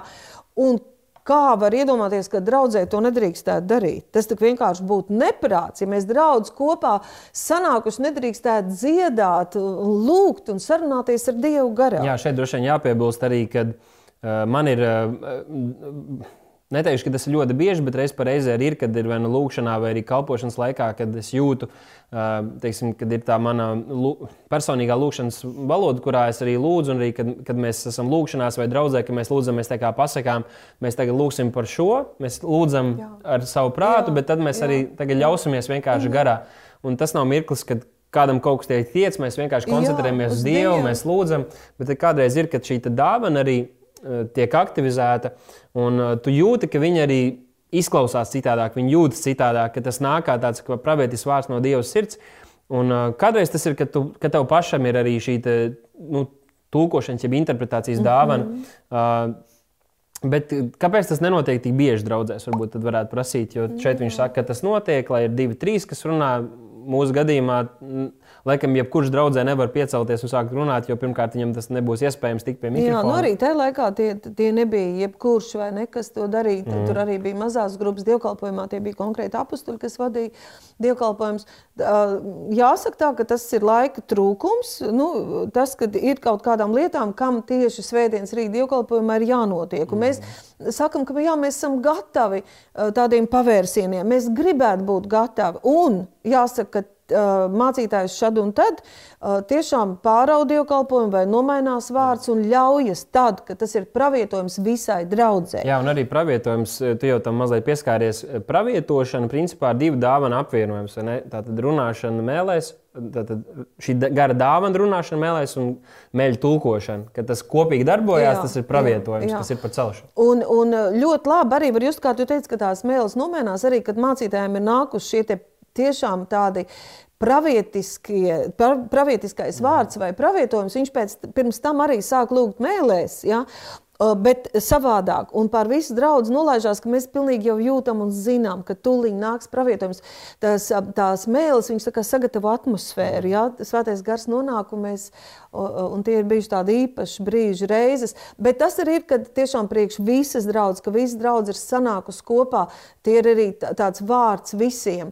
Bet es domāju, ka tad, kad ir, kad ir mazo grupu lūkšanas vai aizlūkšanas vai lūkšanas grupas vai darba grupas, mēs pat nemaz nepamanām, cik bieži tas līdzīgi kā, kad mēs kaut ko ņemam, darām, mēs nefiksējam ar prātu. Tagad ar o, labās rokas, otro, trešo pirkstu es jaunu ar īkšķi palīdzēšu. Tāpat arī lūkšana un dāvans viņas darbojas. Viens tur redzēja, viens pēc tam saņēma stiprinājumu vārdu, vienam sirdī bija lūk tā un tā, un tā bija svētgara vadība. Pavisam vienkārši un praktiski. Jā, es vēl gribētu piebilst, um, lai uzsvērtu šīs divas atšķirīgās lietas, kuras tomēr izklausās no malas varbūt līdzīgi kādreiz. Tātad šī līdzējošā zīme un mūsu personīgā lūkšanas valoda, šī jaunā debesšķīgā valoda, lūkšana mēlēs un gara dāvana, kas ir kalpošana, kalpošana runāšana jā. mēlēs. Tātad pirmkārt mēs redzam, nu tur varētu vairākas, bet es gribētu divas jums parādīt atšķirības, kas jums Bībelē jūs to arī redzēsiet. Pirmais ir Tātad mūsu personīgā lūkšana valoda uzceļ mūs pašus, mūsu svētajā ticībā. Ja? Tā ir, mēs iestājamies par kaut ko, mēs paši tiekam uzcelti. Šī otra, kas ir runāšana mēlēs, tā būs tā, kas cels draugu. Ja gara dāvanas vienmēr ir, lai celtu draugu. Vienalga, kur no tām lietām mēs arī, kura dāvana tiek aktivizēta, tas ir, lai celtu draugu, nevis pašu to cilvēku, kurš to dāvanu lieto.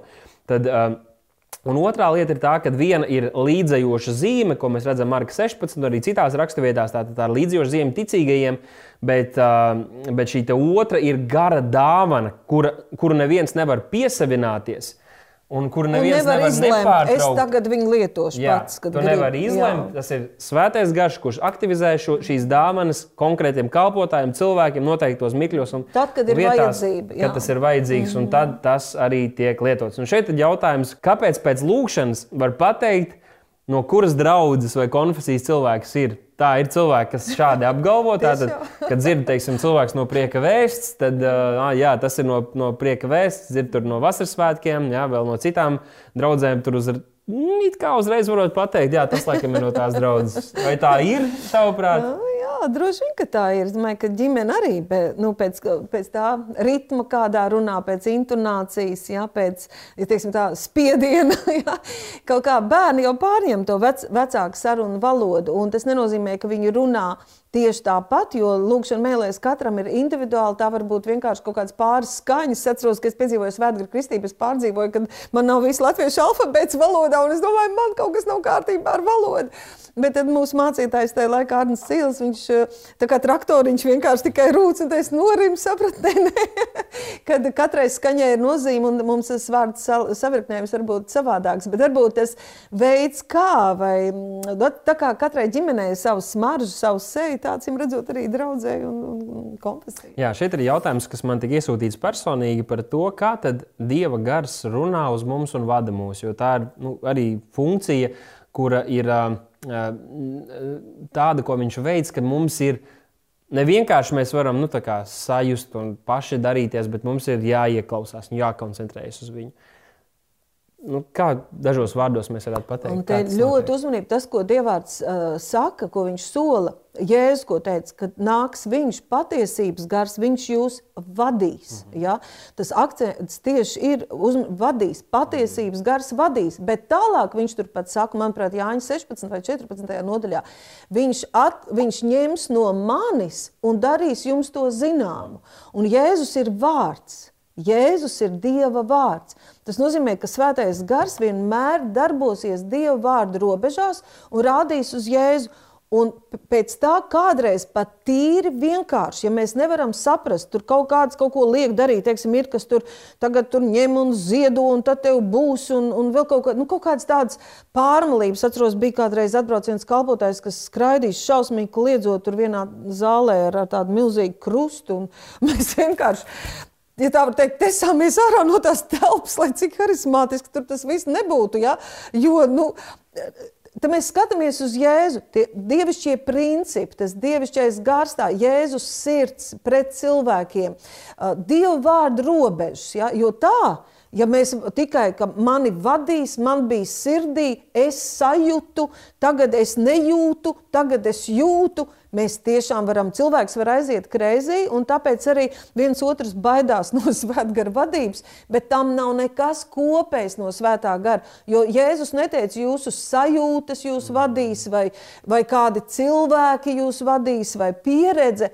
Bet vienu gan, ja tu esi svētgara cilvēks un tiešām tīri mīli Dievu, tiešām mīli tīru sirdi, tad esot tādās situācijās, kur tu īsti nevari saprast, domā par Jēzu, nu, lai svētais gars tev atklāja, kā Jēzus to redz, bet otrais arī ieklausies savā sirdī un sirdsapziņā. Un ja tev tur kādreiz ir lietas, ko tu nesaproti, un to cilvēks saka, bet man bija miers, es, Tieši tāpat vai iet, lai uzliek rokas, vai kā ieklausies savā sirdī. Ja tev ir nemieris, lai viņš ko tur solītu un ko darītu, ej prom no tās vietas, ja? un, un, un, un tev tas nav vajadzīgs. Bet kādreiz tu varbūt visu vēl nesaproti, bet tu vienkārši jūti, tu zini, ka tas ir tavs, jo tev ir tavs dievs, un, un, un, un tu jūti, ka viņš uh, Nu, tu pazīsti savu tēvu balsi, ja? Tā, bet Dieva balss ir jāiepazīst lēniņām. Ja? Un kā tu viņu iepazīsti? Un viņš sākas, Dievs, Dieva balss tu sāc iepazīt, ka tu lasi Dieva vārdu un tev vārds atverās. Un tajā brīdī, kad tev tavs dzīves vārds tev atverās, ir tā, kā nu, tēvs ar svēto garu uz tevi runāt. Un tu lēnām iepazīsti savu tēvu balsi, jo ja es teicu, ka manas avis dzird manu balsi, viņas man pazīst. Ja? Mm. Jā, ir, ir cilvēki, kuri raujās darīt to, ko paši vēlas, tādā veidā, kā paši vēlas. Tad, kad, savus, jā. kad atduras pret kādu sienu, piedzīvo kādu neveiksmi, tad viņi brēc uz debesīm un saka, Dievs, kāpēc tu man neapturēji? Ir kas saka, Dievs tā vadīja un uzliek visu atbildību mm. par kļūdām Dievam. Jā, bet, bet Dievs saka, es uz tevi visu laiku runāju. Un Viņš vada caur savu mieru, un tas ir eh, noteikti viena no lietām, ko šī pasaule nevar noviltot. Vienalga, tu vari darīt, ko tu gribi, bet tādu patiesu, paliekošu, īstenu mieru savā sirdī var dot tikai Dievs. Īpaši tad, kad apkārt ir vētra un kam vajadzētu tevi izšaubīt un satraukt. Un, uh, tomēr par, par Dieva balsi tev ir jāmāk un jāmācās uh, gan būt Dieva vārdā, bet arī izšķirošos mirkļos, un tad, kad ir lietas, kas apkārt notiek, ir jāmācās atrast mieru nomierināt savu dvēseli un būt selā, ja būt Dievu priekšā, Dievs runā uz mani. Un tad svētais gars var atgādināt, ko tu esi lasījis, vai tev lasīšanas laikā te var atvērties vai Dievs var runāt uz tevi. Bet tas nenotiks vienkārši skrienot. Viņš, nebū, viņš Dievs ir džentlmenis. Viņš neielauzīsies tur, neiemetīs, nu, kāda saka, ja tur slimnīcā. Bet tas ir tikai tam dēļ, ka mēs nonākam līdz turienei un tad beidzot mēs esam mierīgi, lai sadzirdētu. Beidzot dzirdam Dievu, jā. Bet Dievs runā uz mums, un tāpēc ir svarīgi, ka mēs mācāmies ik pa laikam apkusināt savu dvēseli. Sagaidīt sarkano vai zaļo gaismu. Nu, ja nav ne sarkans, ne zaļais, tad pa vidi dzeltens, tad, tad gaidi, vai ne? Un, un tā ir kā ir teikts, ka Dieva gars apliecina mūsu garam, ka esam Dieva bērni. Un līdzīgi tas ir, kā mēs iemācāmies dzirdēt, ka Dieva gars runā uz mūsu garu, uz mūsu sirdi, uz mūsu iekšējo cilvēku. Tā ir tāda iekšēja sapratne, atnāk, iekšēja zināšana. Man liekas, ka šī ir bijusi ļoti sālīta saruna. Man vēl ir divi jautājumi, kur eh, jeb šis viens jautājums un tāds kopsavilkums, ko mēs varēsim izdarīt, un tas ir par svētā gara apbēdināšanu. Svētais gars ir tas, kurš, kur, kuram nav izvēles mūs atstāt Jo viņš ir sūtīts, viņš ir apsolījis, ka viņš būs ar mums līdz pasaules galam. Un tādēļ mums ir jābūt ļoti uzmanīgiem, kā mēs, kādas ir mūsu attiecības ar viņu. Un tad arī ir divas raksturvietas, kuras gribētu uzskaitīt, un tad mēs varēsim drusku tam pieskarties. Efeziešiem 4.30 ir teikts, un neabēd, neabēdiniet Dieva svēto garu, ar ko esat apzīmogot atpestīšanas dienai. Tātad neabēdiniet. Bet Mateja Vāģelī 12. nodaļā, 31. pantā, Jēzus teica, tā, ka ik katru grēku un ik katru zaimošanu cilvēkam piedos, bet svētā gara zaimošanu nepiedos. Un tad viņš saka, kas runā par cilvēku dēlu, tam arī tiks piedots, bet kas runā pret svēto garu, pret svēto garu, tam tas netiks piedots. Ne šī, ne nākošā mūžā. Un tātad mēs jau esam iepriekš runājuši šajās epizodēs, kad Tu, e, tu vari piedzīvot glābšanu, un vienīgais veids, kā tu vari to pazaudēt, ir pats no tās atsakoties. Kad tavs sirds tiek apcietināta, tu noliec, tu ienīsti Dievu, tu, tu negribi neko kopīgi ar viņu, tu, viņa upuri. Tu, apzināta. Jā, tā ir apzināta atteikšanās no tā, bet šeit Jēzus izvirz šo otru kritēriju, kas ir, kad mēs zaimojam svēto garu, tas ir grēks, kas netiek piedots netiek apklāts. Ja runājam par šo efeziešiem 4, tad mēs saprotam, ka teiksim, šī apbēdināšana savā ziņā tā droši vien notiek ik pa laikam. Ja mēs saprotam, ka viņš ir ar mums, jo šeit efeziešiem iepriekš 25. pantā viņš runā, atmetiet melus, runājiet patiesību. Viņš saka, dusmās neapgrābkojieties, nedodiet vietu vēlnam. Tas, kas zādas, lai vairs nezog, nekrietnes vārds, lai neiziet no jūsu mutes. Katrs rūkums, ātrsirdība, dusmas, bāršanās, zaimi, tas viss lai ir tālu prom no jums ļaunprātība. Tātad viss tas ir pilnīgi kaut kas pretīgs un ne, nepieņemams svētiem garam, kas ir pilnīgi svēts un Dievs mūsu sirdīs. Tātad, kad mēs tā darām, kad mēs tā rīkojamies, mēs apbēdinām svēto garu. Bet apbēdināšana un zaimi tātad par zaimiem Uh, es varbūt ielikšu to savu izpratni, tad tu vari pielikt un tad savilkt kopā to visu, kā, kā tu to redzi. Par zaimiem es saprotu, ka, kad, un to jau es kādā man šeit arī epizodē runāju par to, ka mums ir jābūt ļoti uzmanīgiem, kad mēs esam kritiski, kad mēs uh, skaidri uh, nu, nosodām uh, kādu, teiksim, kaut ko, kas notiek kur darbojas svētais gars. Un varbūt ir tādas skaidras robežas, kur kādreiz mēs varam pateikt, nē, tas noteikti nav.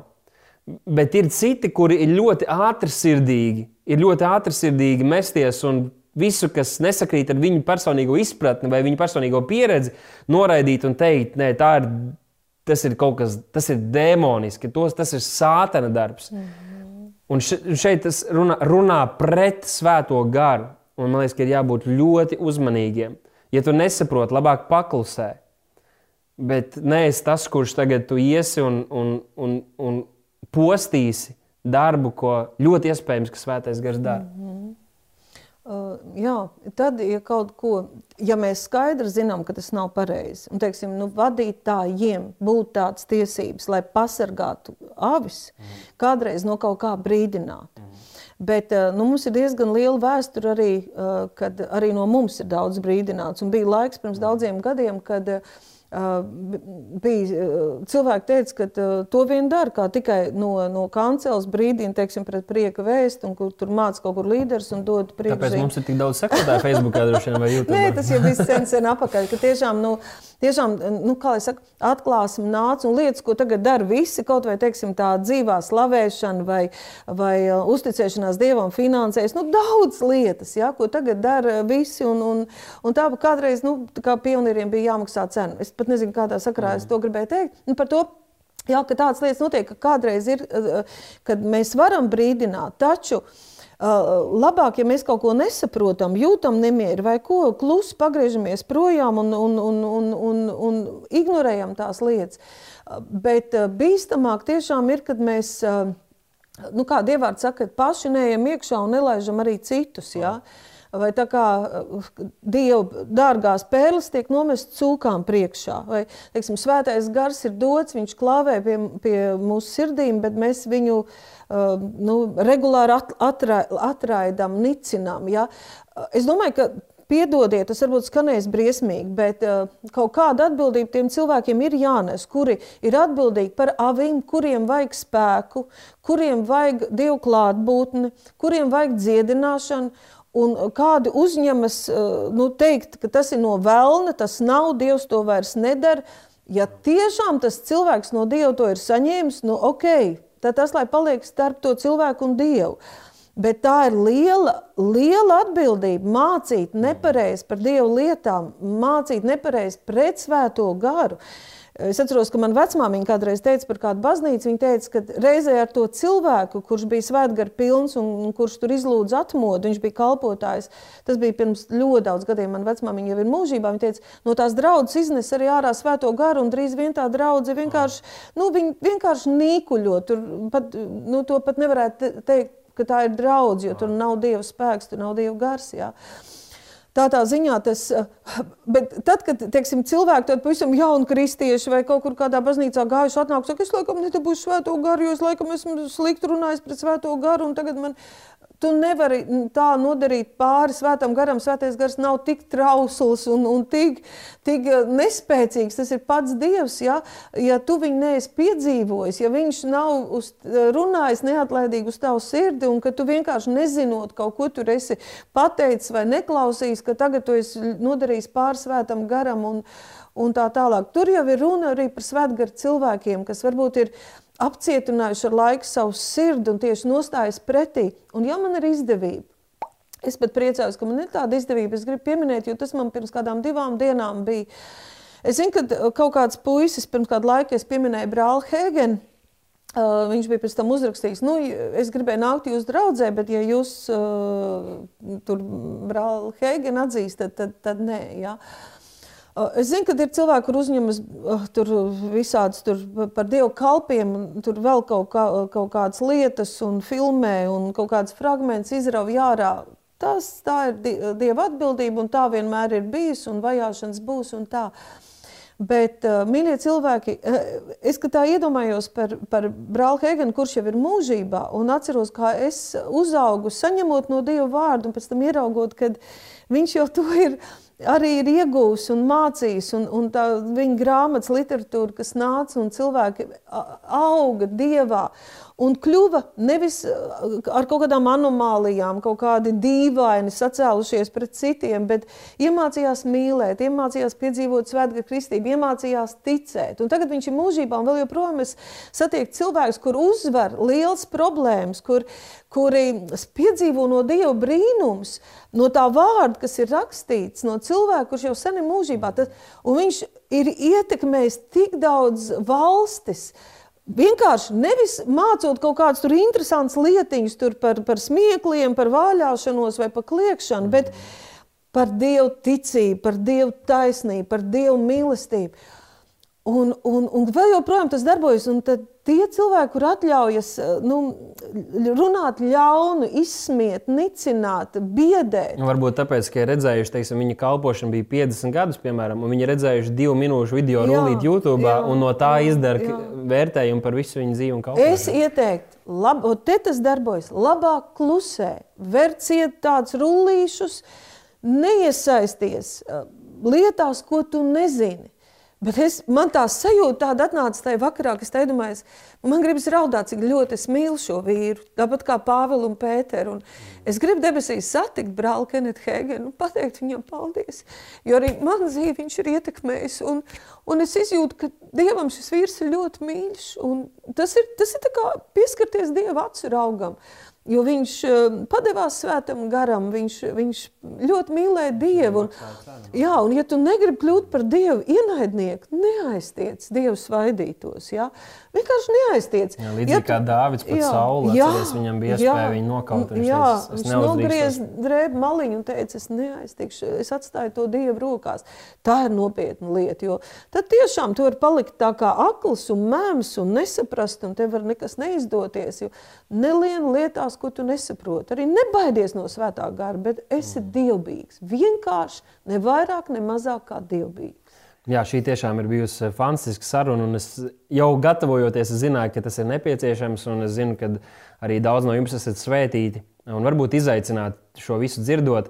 Noslēdzot, es gribētu vēl tikai teikt, ka intelektu, mūsu prātu mums ir devis Dievs. Mums noteikti to ir jālieto. Un, uh, tie ir bijuši kristieši, kas ir veikuši daudzas tādas uh, gan zinātniskajā vidē, gan citviet tādus izrāvienus un, un, un, un lietas paveikuši, ticot tam, ka Dievs visā, kas ir mums apkārt, ir ielicis kaut ko brīnišķīgu un skaistu, ko ir vērts pētīt un atklāt. Un tajā pašā laikā mums, kā kristiešiem un Dieva bērniem, ir jāsaprot, ka mēs neesam intelektuāļi un ka pārdabiskais nav kaut kas, kas ir svešs mums. Ja mēs redzam Jēzus kalpošanu, mēs redzam agrīno draugu, vēstules, mēs redzam, ka pārdabiskais bija dabīga daļa no viņa ikdienas. Tas notika visapkārt, gan runājot par svētā gara izpausmēm, par mēlēm, par dāvanām, par dziedināšanām, par vēl daudzām lietām, kuras cilvēka prātam ir grūti pieņemt un arī grūti izprast, grūti paskaidrot. Īpaši neticīgiem cilvēkiem, cilvēkiem kuriem tas viss liekas liela piedauzība.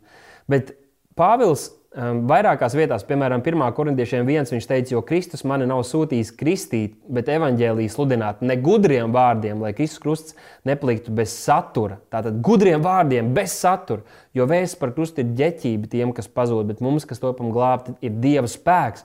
Un 1. Thessaloniķiešiem 1,5 viņš saka, jo mūsu evaņģēlīja vēstījums neparādījās tikai vārdos, bet spēkā un svēt, svētā garā un stiprā pārliecībā. Un jūs to esat zinājuši un iepazinuši un sekojuši tam. Un tāpēc nebūsim tie, kas mēs ārkārtīgi esam apmierināti ar to, ka mēs spējam gudri izteikties, labi izskatīties sabiedrības acīs. Visu kontrolējam. Visu pamatot. Mm. Jo tam mēs neesam aicināti. Un tas vajag, tas, lai darbojas vārds. Jā, jo ir lietas. jābūt jā. gan izpratnē, un uh, bija laiks, kad ļoti stipri palika apoloģētika un šī dievvvārda aizstāvēšana, teiksim, ar, ar, ar, ar, ar prātu saprāšanu un izskaidrošanu. Tas viss ir labi un tas ir vajadzīgs, tas nav jā. slikti. Jā. Bet tikpat svarīgi un pat vēl vairāk ir šis dieva spēks, kuram ir jāseko. Bībelē pat ir teikts, ka viņš ir tas, kurš apstiprinās savu vārdu līdzījošām zīmēm. Tātad, ja mēs runājam to, ko mēs nepazīstam, mēs esam liekuļi. Tāpēc tieksimies gan pēc izpratnes, gan arī pēc šīs spēka un dieva klātbūtnes mūsu dzīvēm. Vēl būtu daudz, kas, par ko mēs varētu runāt, gara auglis, gara dāvanas un vēl kas, bet es domāju, ka šodienai pietiks. Paldies, ka jūs skatījāties. Ja jums patīk šī saruna, ja tā bija vērtīga, ielieciet īkšķi gaisā, uzspēdiet patīk, tāpat arī Ierakstiet kaut ko komentāros, mums būs prieks dzirdēt, ja tas ir uzrunājis un aizskārs jūs. Tāpat arī, ja jums ir kādi jautājumi vai citas domas, rakstiet, sarakstīsimies, parunāsim un tiekamies jau pavisam drīz. Paldies! Tev. Paldies! Tev.